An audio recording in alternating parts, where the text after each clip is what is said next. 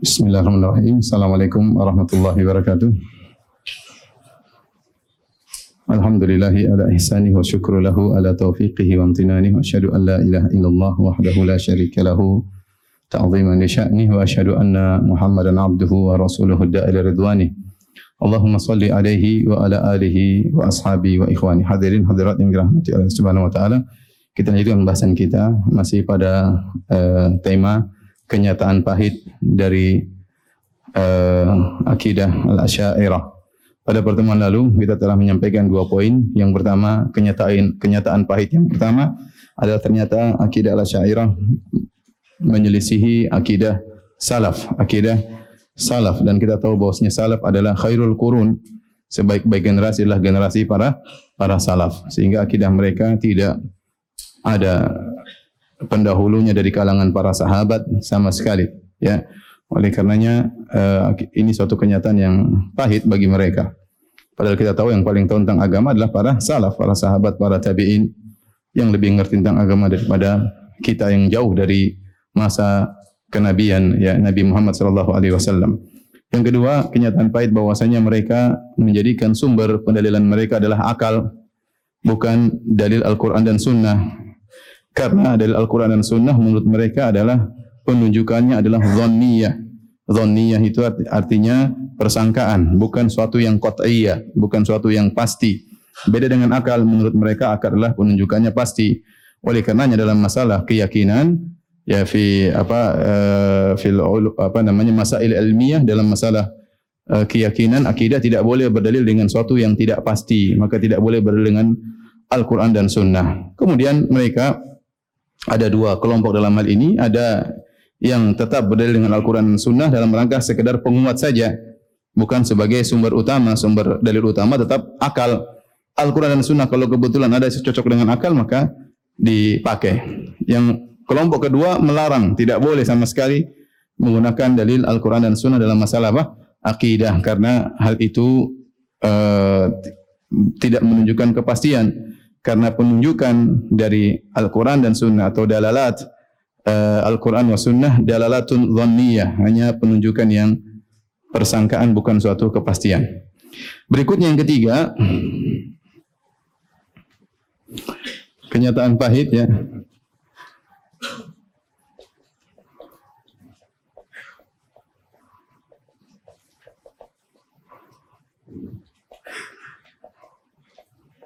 Yang tiga, ya. Meskipun mereka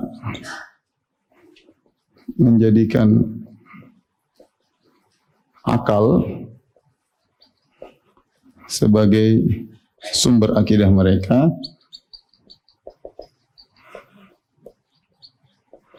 mereka ternyata banyak akidah mereka yang tidak masuk akal. Akal bahkan bertentangan dengan fitrah.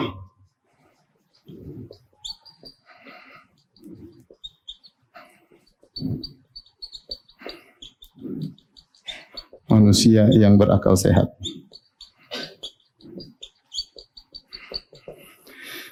Ini kenyataan pahit yang mereka alami. Jadi mereka mengatakan mendengung-dengungkan bahwasanya mereka mengagungkan akal, ternyata banyak akidah mereka yang tidak justru tidak masuk tidak masuk akal. Contoh ya. Ya, contohnya apa? Akidah mereka tentang al-kasb. Al-kasb artinya yaitu uh, setiap zat makhluk maksudnya selain Allah ya. ya selain Allah yaitu zat dan makhluk memiliki kudrah yaitu kemampuan namun kemampuan tersebut, kemampuan atau kudroh tersebut tersebut ghairu mu'athirah. Tidak berpengaruh. Contoh. Contoh api ya punya kudrah untuk membakar. Tapi kudroh tersebut tidak bisa membakar.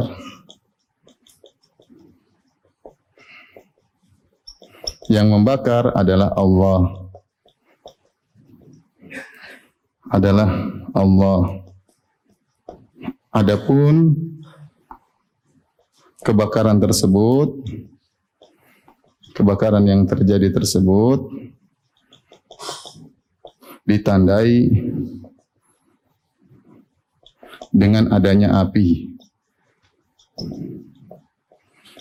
Jadi begini, orang Asy'ariyah mereka mengatakan tidak ada di alam semesta ini satu zat pun yang punya kudrah yang punya pengaruh. Mereka punya kudrah tapi tidak ada pengaruhnya sama sekali.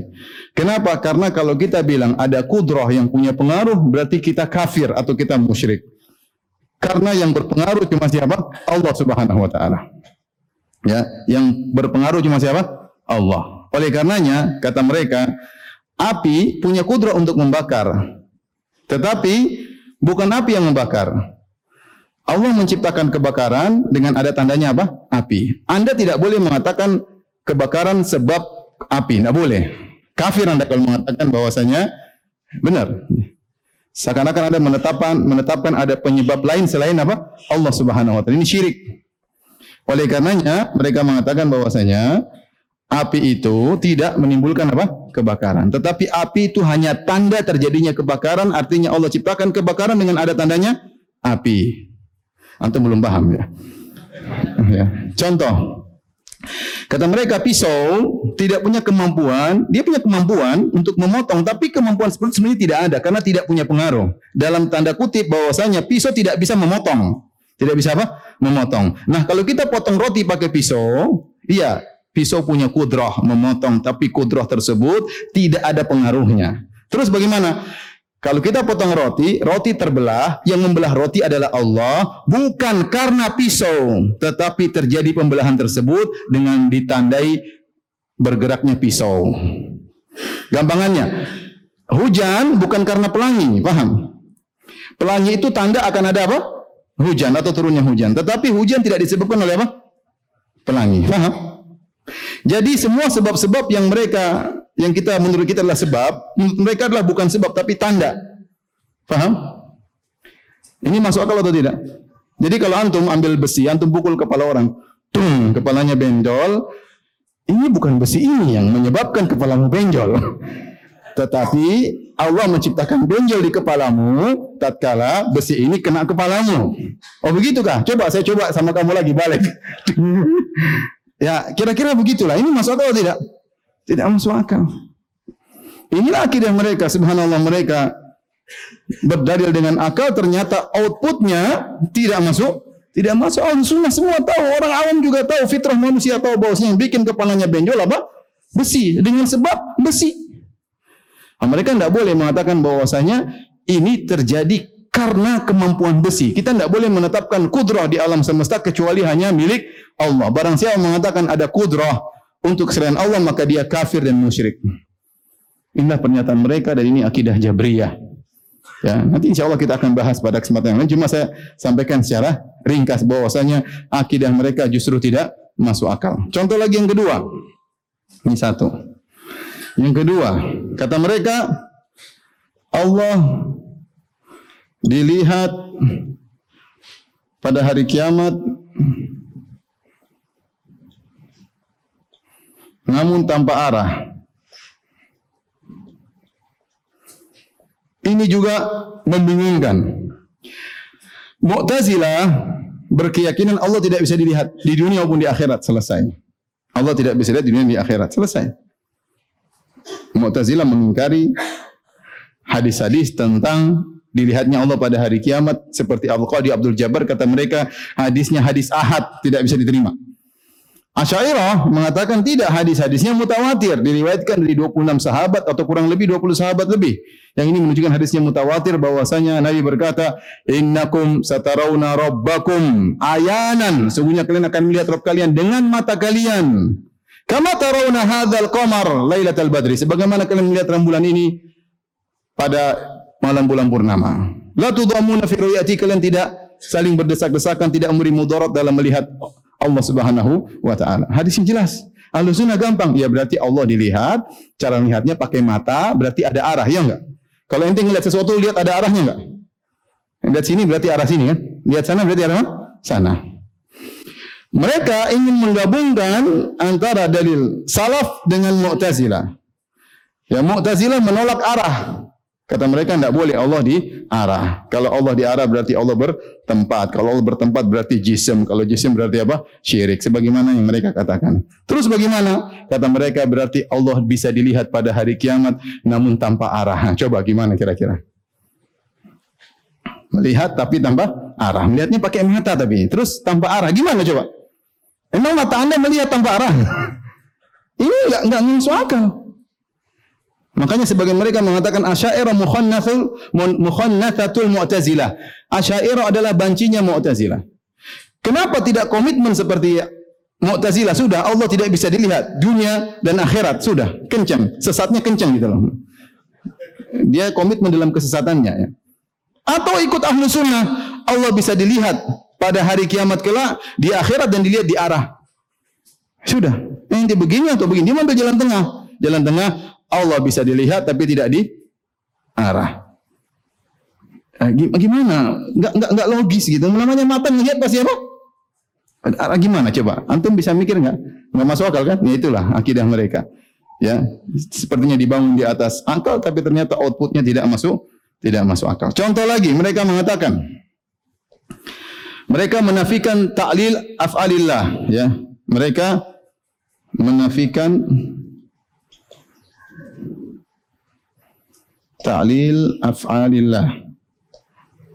Yaitu maksudnya artinya Allah berbuat tidak boleh karena tujuan tertentu.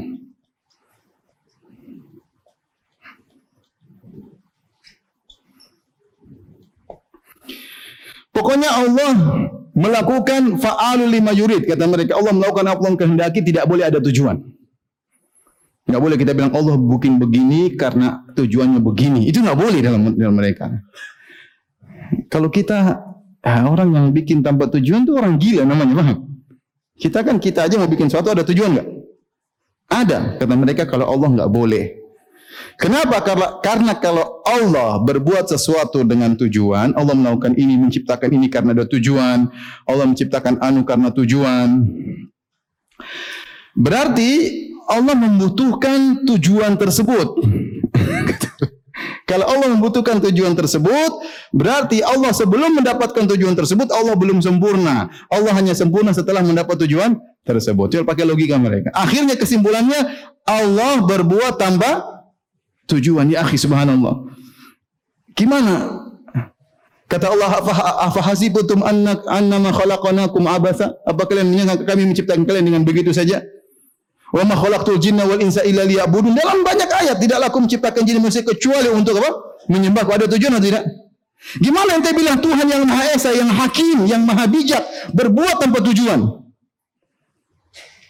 Ini menghina Allah atau mengagungkan Allah? Yang hanya masuk akal. Gimana ente bilang Allah berbuat tanpa tujuan? Semua karena syubhat akal filsafat yang di otak mereka sehingga mereka menyimpulkan Allah berbuat tanpa tujuan. Ya ente tidak ingin menyamakan Allah dengan manusia yang berakal sehat, akhirnya ente menyamakan Allah dengan orang gila yang berbuat tanpa tujuan. Apa syubhatnya? Pakai akal. Kalau Allah begini berarti Allah begini ya. Karena kalau Allah menciptakan dengan tujuan, berarti Allah belum sempurna kecuali setelah mencapai tujuan tersebut. Ini tidak boleh. Bukankah Allah sebelum mendapat tujuannya, dengan setelah mendapat tujuannya berarti ada perubahan? Wah, sebenarnya repot kalau begitu. Nah, balik lagi. Berarti sebelum dapat tujuan dengan mendapat tujuan apa? Perubahan berarti ini tidak boleh. Kita bilang sama dia, Allah sebelum menciptakan ente, Allah sudah sempurna belum? Terus, kalau Allah menciptakan ente, berarti apakah melazimkan sebelum ada ente Allah belum sempurna? Paham tidak? Allah Subhanahu wa taala sebelum menciptakan ente dan sudah menciptakan ente tetap saja apa? Sempurna. Jangan ente bilang Allah sebelum menciptakan ente berarti hanya bisa sempurna setelah ada apa? Ente. Lalu gimana seperti ini? ente ada enggak ada enggak ada masalah bagi Allah. Allah sempurna ya. Ya Allah sudah sempurna sebelum menciptakan makhluk, Allah punya tujuan, sebelum ada tujuan tersebut juga Allah sudah sempurna, Allah memiliki sifat hikmah sama seperti akidah Ahlussunnah namanya qadimun nau hadithul ahad. Allah punya sifat untuk punya tujuan yang baik sudah ada dalam diri Allah. Adapun ini tujuannya apa, ini tujuannya apa terserah Allah Subhanahu wa taala. Faham atau tidak? Sehingga mereka mengatakan, kalau Allah Subhanahu wa taala memasukkan iblis ke surga, tidak ada celaan bagi Allah, terserah Allah. Kalau Allah masukkan ya. Para sahabat atau Nabi Muhammad SAW ke neraka jahanam tidak ada salah bagi Allah karena Allah berbuat kehendak Allah. Tidak ada tujuan. Ini perkataan logis atau tidak? Tidak logis ya akhi. Nggak masuk akal. Gimana mereka men menolak ta'lil af'alillah. Allah berbuat tanpa tujuan. Padahal di antara sifat Allah apa? Al-Hakim. Al-Hakim di antara mananya apa? Zu hikmah. Ya Allah memiliki hikmah, Allah menciptakan suatu pasti ada hikmahnya, pasti ada tujuannya dan dalam banyak ayat banyak sekali menjelaskan tentang keagungan Allah bahwasanya ya semua yang Allah kerjakan pasti ada tujuannya. Bahkan Allah menciptakan iblis pun pasti ada apa? Tujuannya. Tidak sekedar menciptakan iblis begitu saja, enggak. Dan ini contoh, dengan menggunakan logika mereka, akhirnya mereka terjebak pada perkara yang justru tidak masuk, tidak masuk akal. Baik. Di antaranya yang keempat, ya. Mereka mengatakan Allah tidak di atas dan tidak di bawah dan tidak di mana-mana. Coba. Allah di atas? Oh enggak. Kalau gitu di bawah? Oh enggak juga. Terus gimana? Gimana kita menggabungkan dua hal yang kontradiktif? Kalau kita kalau tidak di atas berarti di mana? Di bawah. Kalau tidak di bawah berarti di mana? Di atas. Itu logika manusia yang berakal. Ya enggak? Kalau tidak di atas berarti di mana? Di bawah. Kalau tidak di bawah berarti di atas. Kata mereka tidak di atas dan tidak di bawah. Masya Allah. Di kanan enggak, di kiri enggak, enggak ada semuanya. Tidak di atas, tidak di bawah. Berarti apa bedanya Allah dengan tidak ada? Tanyakan kepada mereka, apa bedanya Allah dengan sesuatu yang tidak ada? Suatu yang tidak ada itu tidak di atas dan juga tidak di tidak di bawah. Ini akidah contoh, akidah yang tidak logis, tidak masuk akal dan tidak sesuai dengan fitrah manusia. Semua orang kalau berdoa angkat tangan ke mana? Ke ke atas. Ke atas. Terus ente kenapa berdoa begini? Kata dia, karena kiblat doa di atas. Berarti yang berdoa harusnya begini. kiblat kan menghadap kan? Kita berdoa kiblatnya tetap Ka'bah. Paham? Ini ke atas ini kita kita mencari Tuhan, bukan mencari kiblat. Kiblat kita berdoa tetap menghadap mana? Ka'bah. Kita sudah tahu kalau berdoa kita menghadap Ka'bah. Terus kita angkat tangan ke mana? Ke atas. Jangan bilang kalau Ka'bah kiblatnya orang salat, kalau doa kiblatnya ke mana? Ke atas. Enggak ada yang bilang kiblat di atas, kiblatnya orang doa. Tapi mereka begitulah. Mereka mengatakan enggak, di atas itu bukan mencari Tuhan, tapi itu kiblatnya apa? Doa. Dan ini menyelisihi fitrah ya manusia seluruhnya. Bahkan Yahudi dan Nasrani pun fitrah mereka tahu bahwasanya Tuhan di mana? Di atas. Bahkan ya agama-agama lain semuanya juga fitrah mereka Tuhan di mana? Di atas. Entah ada yang bilang dewa di atas awan sana di macam. Intinya mereka berusaha mencari suatu ketinggian. Bahwasanya ketinggian adalah tempat yang sangat mulia. Di situlah bahwasanya Allah berada di atas. Adapun pembahasan apa maksudnya Allah di atas nanti akan kita bahas pada kesempatan yang lain. Saya ingin hanya menyampaikan bahwasanya output mereka ternyata tidak apa? Tidak tidak tidak logis, justru tidak masuk akal. Ya. Kemudian misalnya yang kelima sudah kita bahas pada pertemuan kemarin Allah ya melihat suara dan mendengar apa? pemandangan. Ini sudah kita bahas pada pertemuan yang kemarin. Karena mereka menyamakan antara sifat mendengar dengan sifat ilmu dan sifat melihat dengan sifat apa? ilmu. Sehingga mereka boleh mengatakan innallaha yubsiru al-masmu'at Allah melihat yang terdengar yaitu Allah melihat suara dan Allah mendengar yang terlihat. Misalnya Allah mendengar apa? pemandangan. Ini masuk akal atau tidak? Tidak masuk akal. Seandainya ente berbicara di hadapan murid-murid ente, demi Allah sesungguhnya di antara keagungan Allah, Allah bisa melihat suara kalian. Dan Allah bisa mendengar badan kalian. Itu orang bingung maksudnya apa? Ustaz, tolong dong ulangi Ustaz. Di antara akidah kita yang harus kita yakini bahwasanya Allah Maha mendengar pemandangan dan Allah Maha melihat suara. Kira-kira gimana?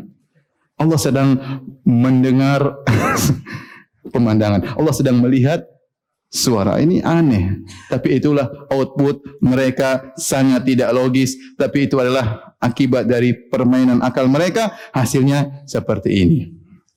Paham? Tapi di antaranya nanti kita bicara seperti sifatul kalam, kalam nafsi dan ini juga sangat tidak masuk akal.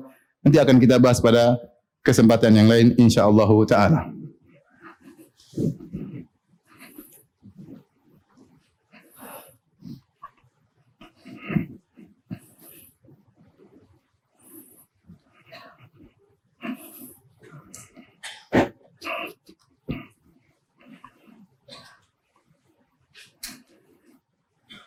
Taib, kita tambah lagi deh, boleh. Yang keenam, ya, sudah kita bahas juga, ya, mereka akal mereka membawa mereka, ya, kata mereka uh, dalil a'rad, ya, ya, untuk ya kewajiban pertama Pertama bagi yang yang apa?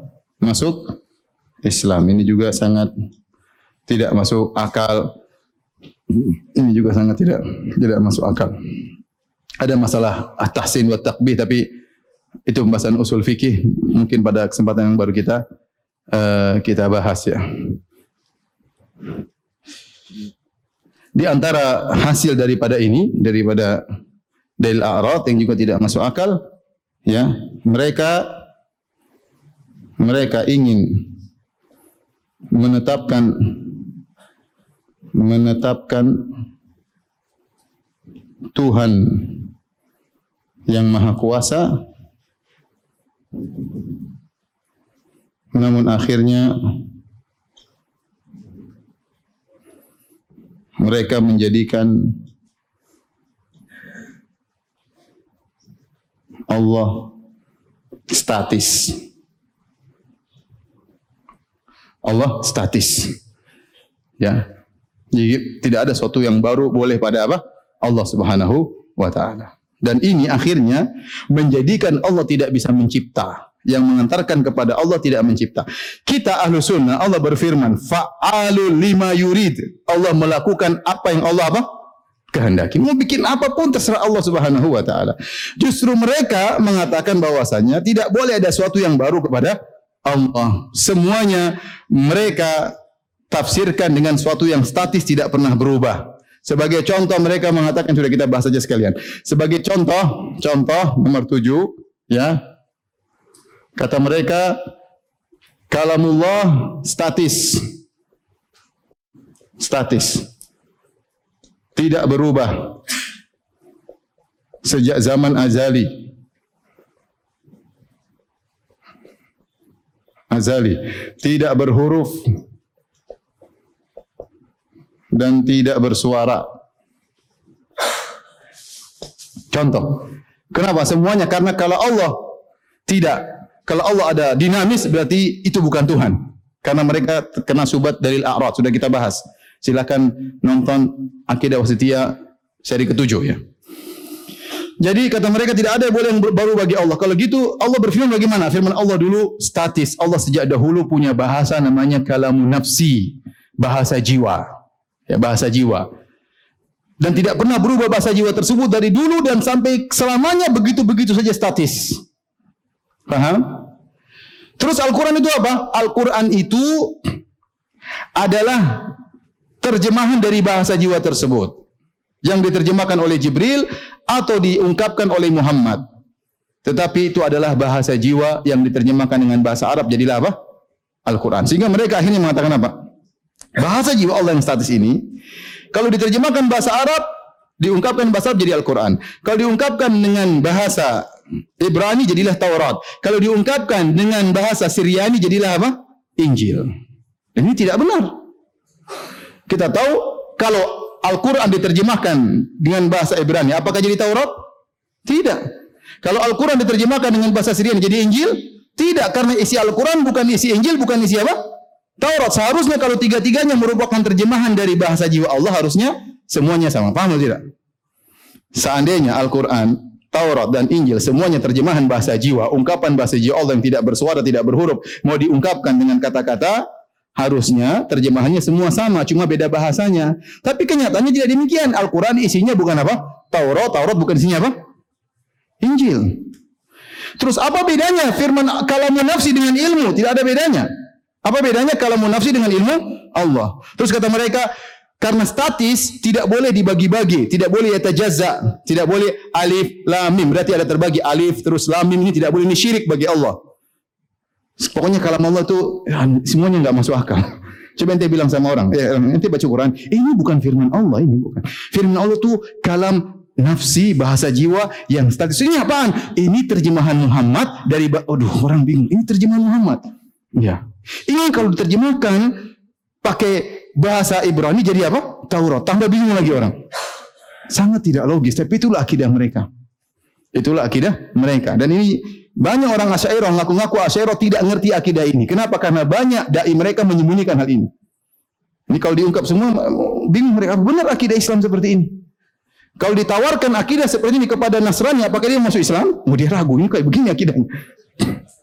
Tidak sesuai dengan fitrah, di masuk akal. Beneran. Seandainya ente bongkar semua ini akidah mereka, yang tawarkan kepada seorang kafir, mungkin tidak tahu. Ini apa benar ini akidah Islam seperti ini? Bagaimana saya masuk agama yang akidahnya seperti ini? Paham? Jadi kata mereka ini bahasa bahasa jiwa. Dan bantahnya banyak. Nanti ada pembahasan secara khusus masalah ini. Cuma saya ingin menyampaikan bagaimana mereka ingin menetapkan Tuhan yang maha kuasa, justru mereka me, me, menyempitkan gerakan Allah sehingga Allah itu tidak bisa apa-apa selalu statis.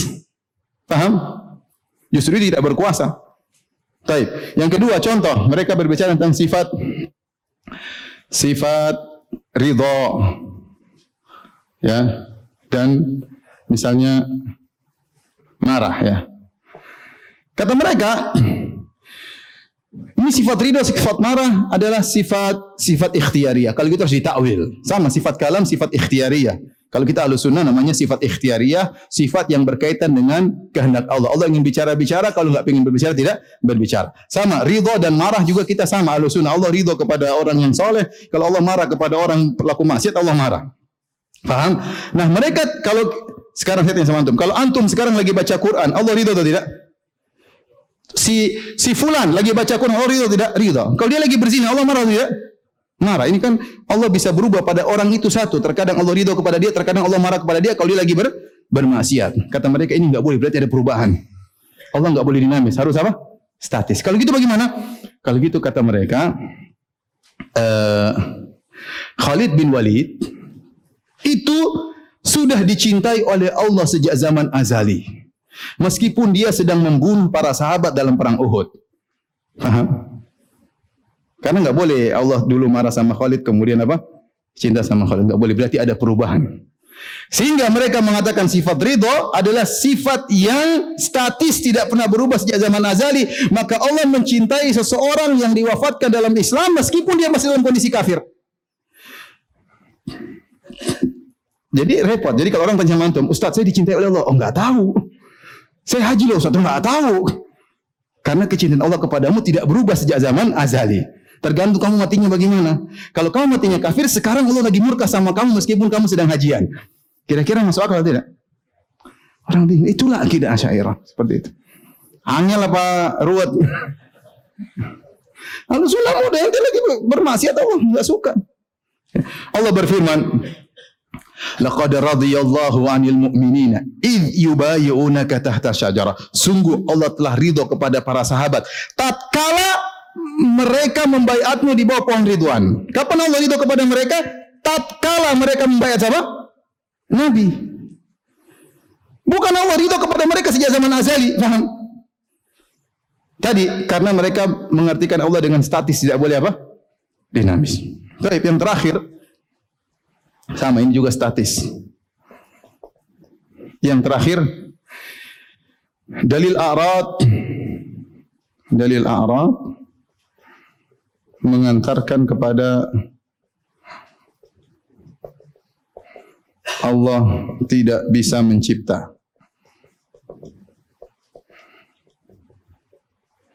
Atau Allah mencipta tiba-tiba. Baik. Bukankah mereka meyakini tidak ada boleh sesuatu yang baru pada Allah? Paham? Del A'rad intinya apa yang ditempati oleh sesuatu yang baru maka dia baru juga maka dia makhluk maka tidak boleh ada yang baru bagi bagi Allah. Nah, kita tanya sama mereka, di zaman azali bukankah Allah sendirian? Ya, Allah sudah sempurna? Sudah. Tanpa ciptaannya Allah sempurna? Sudah. Allah statis? Oke, Allah statis. Mereka setuju. Taib, kok tiba-tiba ada makhluk? Ada apa gerangan Allah menciptakan apa? Makhluk. Ya, tiba-tiba ada. Enggak bisa tiba-tiba ada. Pasti ada sesuatu yang baru dalam Allah sehingga Allah menciptakan. Kalau Allah statis-statis doang tidak bisa mencipta. Paham? Untuk paham tidak? Kayaknya saya terlalu kejauhan ya. ya udahlah. Jadi justru dalil mereka itu menjadikan sangat tidak logis, justru mengantarkan seharusnya Allah tidak bisa mencipta karena mereka punya pemikiran Allah itu apa? Statis. Kita bilang di zaman azali waktu Allah sendirian. Sempurna enggak? Sempurna. Tanpa makhluk sempurna enggak? Sudah sempurna kita sepakat. Terus Allah harus statis kalau kita ahlu sunnah bisa dinangis. Allah memiliki sifat menciptakan sejak azali. Tapi kapan Allah menciptakan terserah Allah. Allah sudah bisa bicara sejak zaman azali. Kapan Allah bicara terserah Allah. Paham? Seperti itu. Mereka enggak, enggak boleh ada kapan-kapan itu enggak boleh. Semuanya harus apa? Statis. Taib. Waktu Allah sendirian, sempurna, statis. Kok tiba-tiba ada makhluk? Ya, mereka, ya ada aja loh. Enggak mungkin ada saja. Pasti ada sesuatu yang... Kalau kita ente mau komitmen dengan statis ente, harusnya ente tidak ada sekarang di zaman ini. Karena Allah akan selalu tanpa makhluk kalau begitu. Faham? Mudah-mudahan antum paham. Ini semua tidak masuk akal, tapi saya mau mengakali biar antum bisa paham. Itulah produk dari akidah mereka yang katanya dibangun di atas akal justru tidak masuk masuk akal. Taib. Sudah berapa menit? 20 menit. Yang keempat, mereka mengaku pengikut Abul Hasan al Ashari.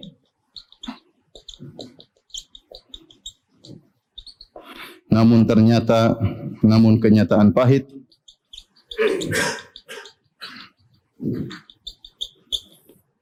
Abul Hasan akidahnya tidak seperti mereka.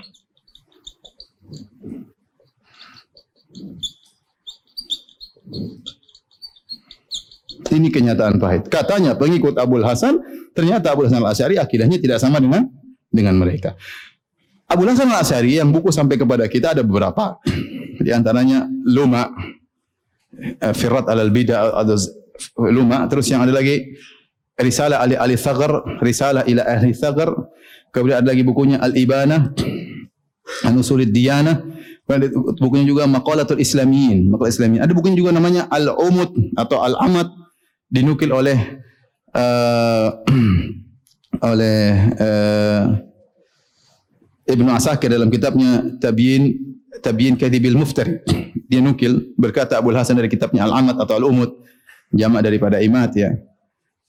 Dan semua bukunya, lima-lima buku ini, semuanya kalau dibaca menyelisih akidah Asy'ariyah sekarang.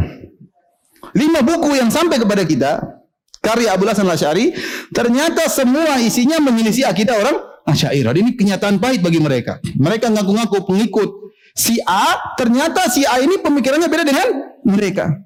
Terus kenapa Anda menamakan diri Anda dengan Asy'ari sementara Abu Hasan Asy'ari akidahnya berbeda dengan dengan Anda?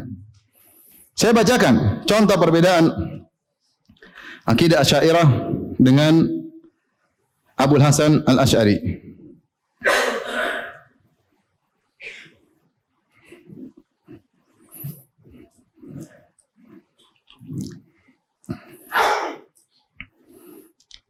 Orang-orang Asy'ariyah tatkala menetapkan adanya Tuhan, mereka berdalil dengan dalil a'rad. Sudah kita bahas pada akidah wasitiyah seri berapa? 7. Adapun Abu Hasan Asy'ari mengikuti akidah Ahlussunnah dalam kitabnya Luma Firrat al-Ahli Zaik wal Bidah halaman 15 sampai 16, beliau berdalil dengan adanya makhluk dengan adanya khalik. Sudah cukup tidak pakai dalil a'rad. Beliau berdalil dengan perubahan manusia dari mani kemudian menjadi alaqah, kemudian menjadi mudghah, kemudian menjadi manusia, ini menunjukkan ada penciptanya, ada yang mengaturnya. Tidak usah pakai a'rad, kemudian apa? Ajsam, kemudian ini ini enggak ada. Karena itu suatu yang sangat tidak yang susah untuk dipahami oleh orang. Ada Tuhan gampang manusia berubah jadi mani. Mani bisa berubah menjadi siapa yang mengatur mani ini? Ente saja manusia tidak bisa mengatur mani ente. Keluar sesuai dengan ukuran yang Allah kehendaki. Berubah menjadi satu tahap, menjadi tahap berikutnya menunjukkan ada yang mengatur. Sudah selesai alam semesta yang begitu indah, ada Tuhan. Selesai. Tidak usah pakai ini alam jisim. Jisim ada a'rodnya. A'rod itu artinya bergerak, ber ah bikin pusing. Itu tidak pernah dijadikan dalil oleh apa? Abu Hasan. Jadi mereka menyelisihi Abu Hasan dalam cara berdalil untuk menetapkan adanya Tuhan. Bahkan dalam kitab beliau Risalah Ali Ali Thagar halaman 143, justru Abu Hasan berdalil dengan dalil-dalil Quran banyak sekali untuk menjelaskan adanya uh, Tuhan. Demikiannya pada, halaman 144 beliau berdalil tentang benarnya seorang rasul ya menunjukkan akan adanya Tuhan. Kalau Anda membenarkan seorang rasul ya sudah berarti Anda percaya sama sama Tuhan. Jadi tidak pakai dalil Arab. Bahkan Abu Hasan Al-Asy'ari rahimahullahu taala membantah pendalilan dengan cara seperti dalam kitabnya Al-Ibana. Ini pendalilan pakai Arab ini enggak benar, ini caranya falasifah. Bayangkan, dalil yang mereka gunakan dibantah oleh imam mereka Abu Hasan Al-Asy'ari. Ini kenyataan pahit yang menyedihkan. Ngaku Abu Hasan Al-Asy'ari, pengikut Abu Hasan Al-Asy'ari ternyata berbeda. Kemudian juga, ya banyak, tapi saya sebutkan beberapa perbedaan saja, tidak semuanya. Kata Abu Hasan Al-Asy'ari, bahwasanya namanya taklim huwal musyafahatu bil kalam. Namanya Allah berbicara yaitu langsung ngomong dengan pembicaraan antara Allah dengan makhluknya, ya. Wala yajuzu an yakuna al-mutakallim halan fi ghairihi makhluqan fi syai'in siwahu. Tidak boleh sang pembicara kemudian suaranya ditaruh di udara atau menciptakan suara. Enggak, namanya pembicara dia yang berbicara, paham? Dia yang ber, berbicara. Tidak seperti sebagian mereka mengatakan bahwasanya uh, Allah ciptakan suara kayak yang didengar oleh Nabi Musa, ya. Tapi itu bukan suara Allah, ya. Kadang suara tersebut muncul dari sisi pohon, Allah ciptakan suara tersebut, namun bukan Allah yang berbicara. Abu Hasan memang tidak bisa. Namanya orang berbicara, maka disandarkanlah pembicaraan tersebut kepada zat yang berbicara. Faham? Contoh lagi. Abu Hasan ya menetapkan sifat al-istiwa. Al-istiwa. Ya. Kemudian beliau membantah orang yang menafsirkan al-istiwa dengan istilah atau istawa dengan istaula. Nanti akan kita nukil lagi. Kata beliau yang menafsirkan istawa dengan istaula adalah Mu'tazilah. Adalah apa? Mu'tazilah. Sementara mereka semua menafsirkan istawa dengan apa? Istaula. Beristiwa dengan menguasai. Bayangkan. Mereka menyelisih mereka Abu Hasan Al-Asy'ari. Kemudian juga dalam hadis, dalam kitabnya Al-Ibana, Abu Hasan Al-Asy'ari menetapkan tentang hadis nuzul, turunnya Allah ke langit dunia. Ya, demikian juga istiwa di atas ars sementara mereka menolak semua hadis tentang apa? Nuzul. Kata mereka yang nuzul adalah rahmat Allah ke langit dunia atau malaikat yang di langit dunia. Adapun Allah tidak nuzul. Menyelisih Abu Hasan Al-Asy'ari. Kemudian juga Abu Hasan Al-Asy'ari dalam kitabnya Al-Ibana, dalam kitabnya juga Maqalat Al-Islamiyin. Ya, beliau menetapkan sifatul yadain. Allah punya dua tangan. Ya. Kemudian bahkan dalam kitab Al-Ibana beliau membantah orang yang menafsirkan tangan dengan nikmat atau kudrah. Beliau bantah. Sementara Asy'ariyah seluruhnya tidak menetapkan sifat apa? Tangan.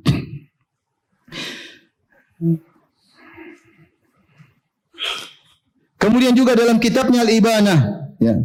Abu Hasan Al-Asy'ari menetapkan sifatul wajah, sifat wajah. Ya, dan beliau mengatakan barang siapa menafikan sifat wajah merupakan perkataan ahlul bid'ah. Ternyata Asy'ariyah sekarang semuanya menolak sifat apa? Wajah. Abu Hasan Al-Asy'ari bahkan cuma itu, bukan cuma itu, beliau menetapkan sifat dua mata bagi Allah Subhanahu wa taala. Beliau tetapkan dalam kitabnya Al-Ibana dalam kitab Maqalatul Islamiyin. Dalilnya apa di antaranya sabda Nabi SAW, Inna rabbakum laisa bi'a'war wa inna dajjal a'waru ainil yumna. Sungguhnya Rabb kalian tidak buta sebelah. Adapun Dajjal dia buta mata sebelah kanan. Beliau berpaham berpemahaman bahwasanya Allah memiliki dua dua mata dan beliau tetapkan dalam kitab Al-Iban dan Maqatul Islamin sementara orang-orang Asy'ariyah jangankan mata wajah pun tidak tidak ada bagi Allah Subhanahu wa taala. Demikian juga Abu Hasan Asy'ari menetapkan Allah di atas. Dan ini dalam kitabnya Al-Ibanah, dalam kitabnya Risalah ila Ali Thagar, dalam kitabnya Maqalatul Islamin, ya. Sementara semuanya asyairah, mutaakhirin, semuanya menolak Allah di di atas.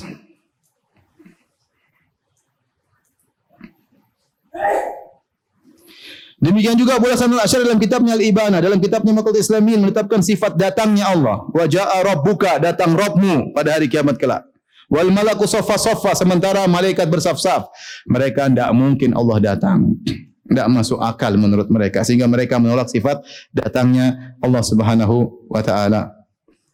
Bahkan Abu Hasan dengan tegas menetapkan seluruh sifat yang datang dalam Al-Quran dan Sunnah. Dalam kitabnya Risalah ila Ali Thagar, beliau berkata, Wa ajma'u ala wasfillahi ta'ala bi jami'i ma wasafah bihi nafsuhu wa wasafa bihi nabiyuhu min ghairi i'tiradin fihi la taqifa lahu dan mereka para salaf mereka menetapkan seluruh sifat-sifat Allah yang Allah tetapkan untuk dirinya di Al-Qur'an dan seluruh sifat-sifat yang ditetapkan oleh nabinya dalam hadis-hadis Nabi tanpa ada pengingkaran, tanpa ada protes dan tanpa takyif dan tidak boleh membagaimanakannya. Wa annal imana bihi wajib dan bahwasanya iman kepada sifat-sifat ini wajib wa tarkut takyifi lahu lazim dan harus meninggalkan bagaimananya. Dan ini akidah Ahlussunnah. Paham? Jadi ini membantah akidah mereka secara secara umum. Sementara kita tahu seluruh asyairah hanya menetapkan tujuh apa? Tujuh sifat. Sebagaimana pernah kita jelaskan dalam syarah akidah wasatiyah yang seri ke-8. Taib ini di antara kenyataan pahit ya yang dirasakan oleh orang-orang asyairah justru mereka ternyata menyelisihi akidah imam mereka yang mereka bernisbah kepada Abu Hasan al-Asy'ari. Ternyata pendiri mereka Abu Hasan Al-Asy'ari ternyata akidahnya tidak sama dengan mereka. Ini kenyataan yang pahit. Makanya kalau antum berdiri dengan mereka antum bilang, "Eh, antum mengaku Abu Hasan Asy'ariyah. Mana akidah Asy'ariyah coba?" Yang ngomong seperti antum ini mana bukunya? Enggak ada. Enggak ada. Justru bukunya semua menyelisih apa yang mereka yakini. Terus ikut siapa dong kalau begitu? Yang, yang benar mereka ikut apa? Ar-Razi. Mereka ikut Al-Juwaini. Kemudian Kenyataan pahit berikutnya.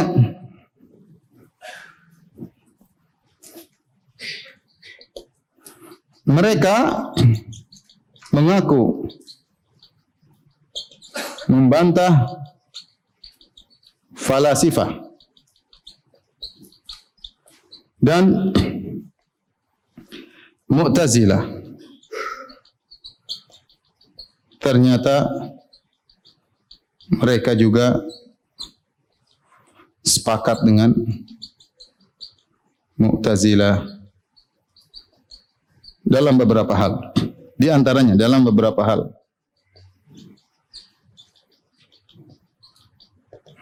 Di antaranya sama-sama menggunakan dalil a'rad.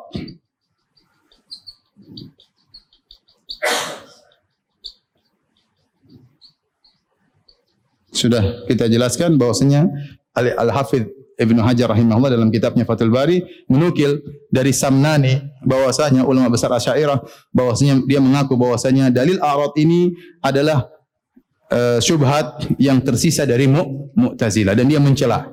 Makanya dalil a'rad dibantah oleh siapa? Dibantah oleh Abu Hasan Al-Asy'ari. Kemudian yang kedua sama-sama mengatakan Al-Qur'an makhluk.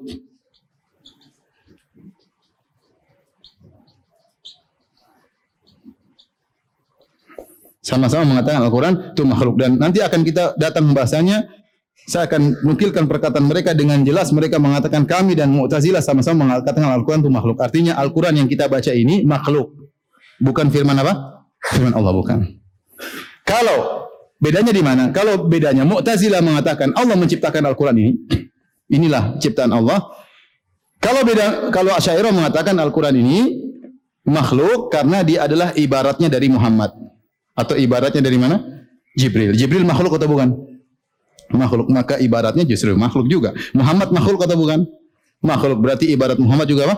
Makhluk. Dan firman Allah kalam nafsi, bahasa jiwa. Faham? Jadi mereka sama juga dengan uh, Mu'tazilah dari sisi sama-sama mengatakan Al-Quran itu makhluk. Kemudian tiga, sama-sama ya menolak Allah di atas. Keempat, sama-sama mengatakan Allah tidak di atas, tidak di bawah. Nanti saya nukilkan dan tidak di bawah. Yang kelima, sama-sama menafsirkan istawa dengan istaula. Is taula.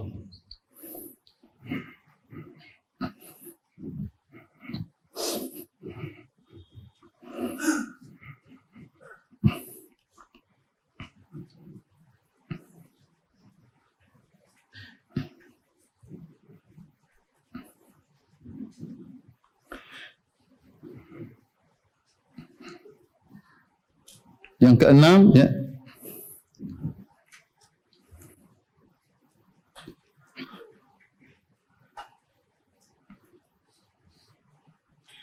sama-sama menolak dalil a'rad eh, sama-sama berdalil dengan dalil a'rad ya.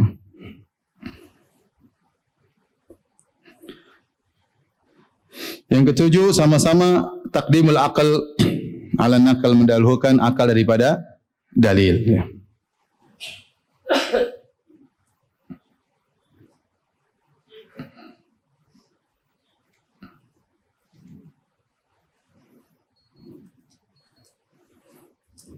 Taib. Kita sekarang bacakan ya penjelasan Abu Hasan Al-Asy'ari tentang akidah Mu'tazilah.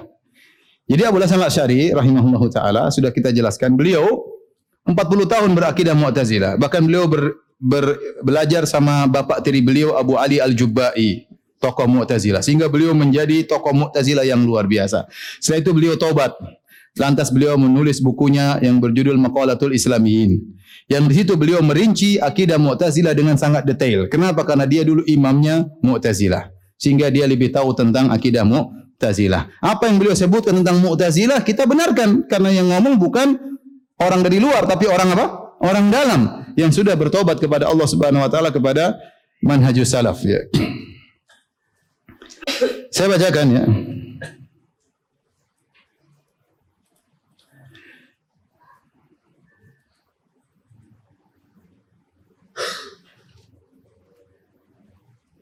Beliau berkata dalam Maqalatul Islamiyin halaman 211 wa qalatil Mu'tazilah. Pertama beliau mengatakan wa qala ahlu sunnah wa ashabul hadis ya. Wa annahu alal arsy kama qala azza wa jalla ar-rahmanu alal arsy istawa.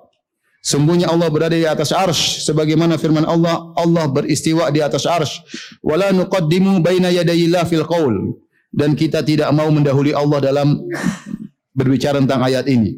Bal naqulu istawa bila kaif. Kita katakan kata Abu Hasan Al-Asy'ari dan ini dia menukil perkataan Ahlussunnah. Dia berkata wa qala Ahlussunnah wa ashabul hadis. Ini adalah akidah Ahlussunnah dan akidah para ahli hadis. Bahwasanya kita mengatakan Allah beristiwa di atas kita tidak boleh mendahului Allah.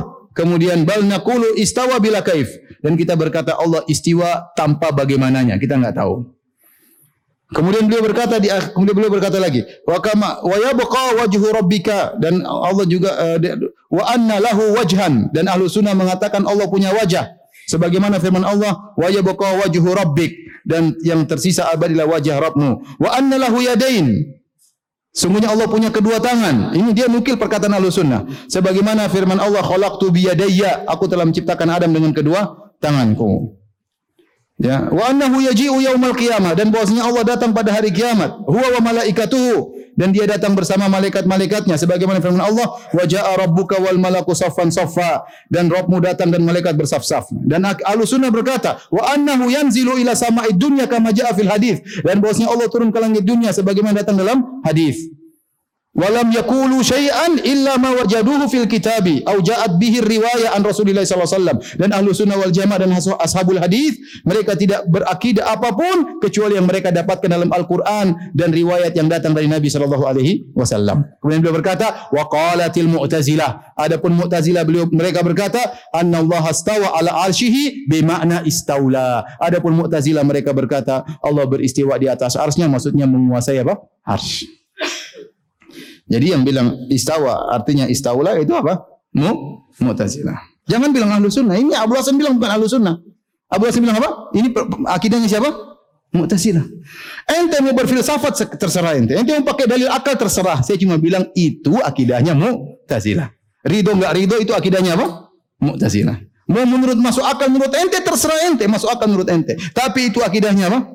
Mu'tazilah yang ngomong siapa? Abdul Hasan Al-Asy'ari yang dulu jadi imam Mu'tazilah puluhan tahun. Yang ngerti betul tentang akidah Mu'tazilah. Kemudian beliau berkata lagi dalam Maqatul Islamin dan ini buku yang paling lengkap tentang akidah Mu'tazilah karena penulisnya dulu Imam Mu'tazilah. Beliau berkata, "Ikhtalafa al-qaul fil makan tentang masalah di mana Allah. Ikhtalafatil Mu'tazilah fi dzalika." Maka orang-orang Mu'tazilah berselisih dalam hal ini. Faqala qailun di antara mereka ada orang-orang yang berkata al-bari bi kulli makan. Bahwasanya Allah di mana-mana. Wal qailun bi hadzal qaul jumhurul Mu'tazilah. Kebanyakan Mu'tazilah mengatakan demikian. Kemudian beliau berkata, wa qala qailun al-bari la fi makan, bal huwa ala malam yazal alaihi. Ada mengatakan di antara mereka bahwasanya Allah tidak di tempat, tetapi dia sebagaimana dahulu tidak bertempat sekarang juga tidak boleh disifati dengan apa? Di mana? Enggak boleh. Dan ini juga perkataan Mu'tazilah dan dia adalah perkataan qaulu apa Hisham ya, dan dan tokoh-tokoh Mu'tazilah. Wa qalatil Mu'tazilah fi qaulillahi azza wa jalla ar-rahmanu 'ala istawa yakni istaula dan Mu'tazilah berkata tentang firman Allah ar-rahmanu 'ala istawa maknanya adalah istaula ya. Ini contoh ya dan banyak nukilan-nukilan saya tidak ingin menukil seluruhnya tapi ini contoh dalam buku-buku Abu Hasan Al-Asy'ari yang menjelaskan bahwasanya ternyata akidah uh, Asy'ariyah cocok dengan akidah apa? Mu Mu'tazilah. Tayyib. Azan. Azan. Hah? Sudah masuk belum? Belum. Berapa menit? Oh, masih lama kalau gitu. Tolong dihapus kalau begitu. Yang foto-foto silakan.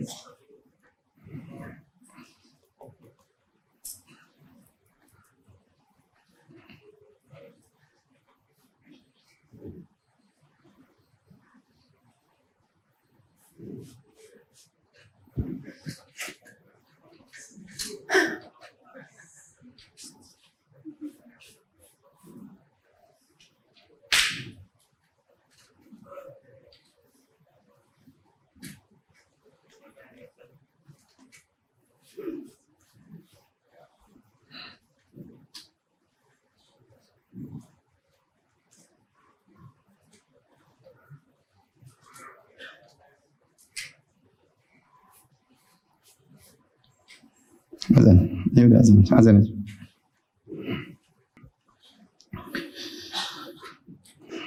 Taib hadirin dan hadirat yang hamdulillah subhanahu wa ta'ala yang terakhir ya bahwasanya selain mereka terpengaruh dengan Mu'tazilah ternyata sebagian mereka juga terpengaruh dengan akidah falasifah dan ini dijelaskan oleh As-Sanusi atau Sinusi dalam kitabnya Syarah uh, Ummul Barahin ya. Beliau menjelaskan beberapa ulama Asy'ariyah yang terpengaruh dengan falasifah.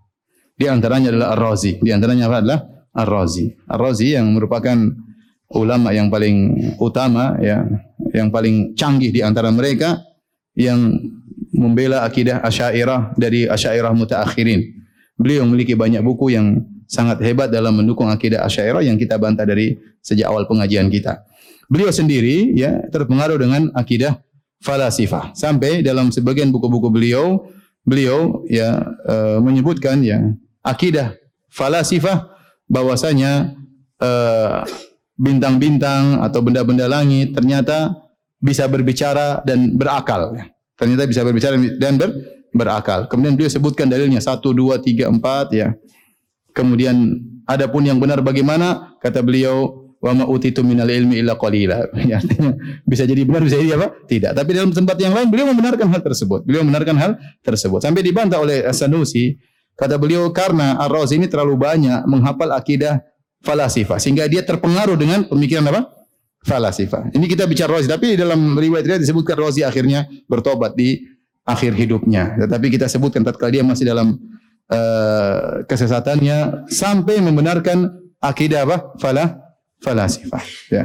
Dan ini menunjukkan betapa besar terpengaruhnya Ar-Razi dengan akidah falasifah wal billah sampai menyatakan bahwasanya uh, bintang-bintang bisa berbicara ya.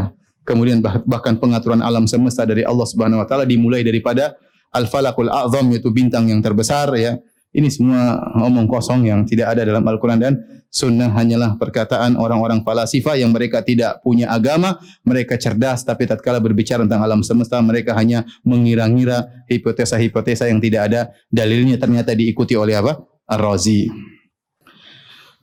Taib demikian saja kajian kita. Subhanakallah bihamdik asyhadu an la ilaha illa anta astaghfiruka wa atubu ilaik. Assalamualaikum warahmatullahi wabarakatuh.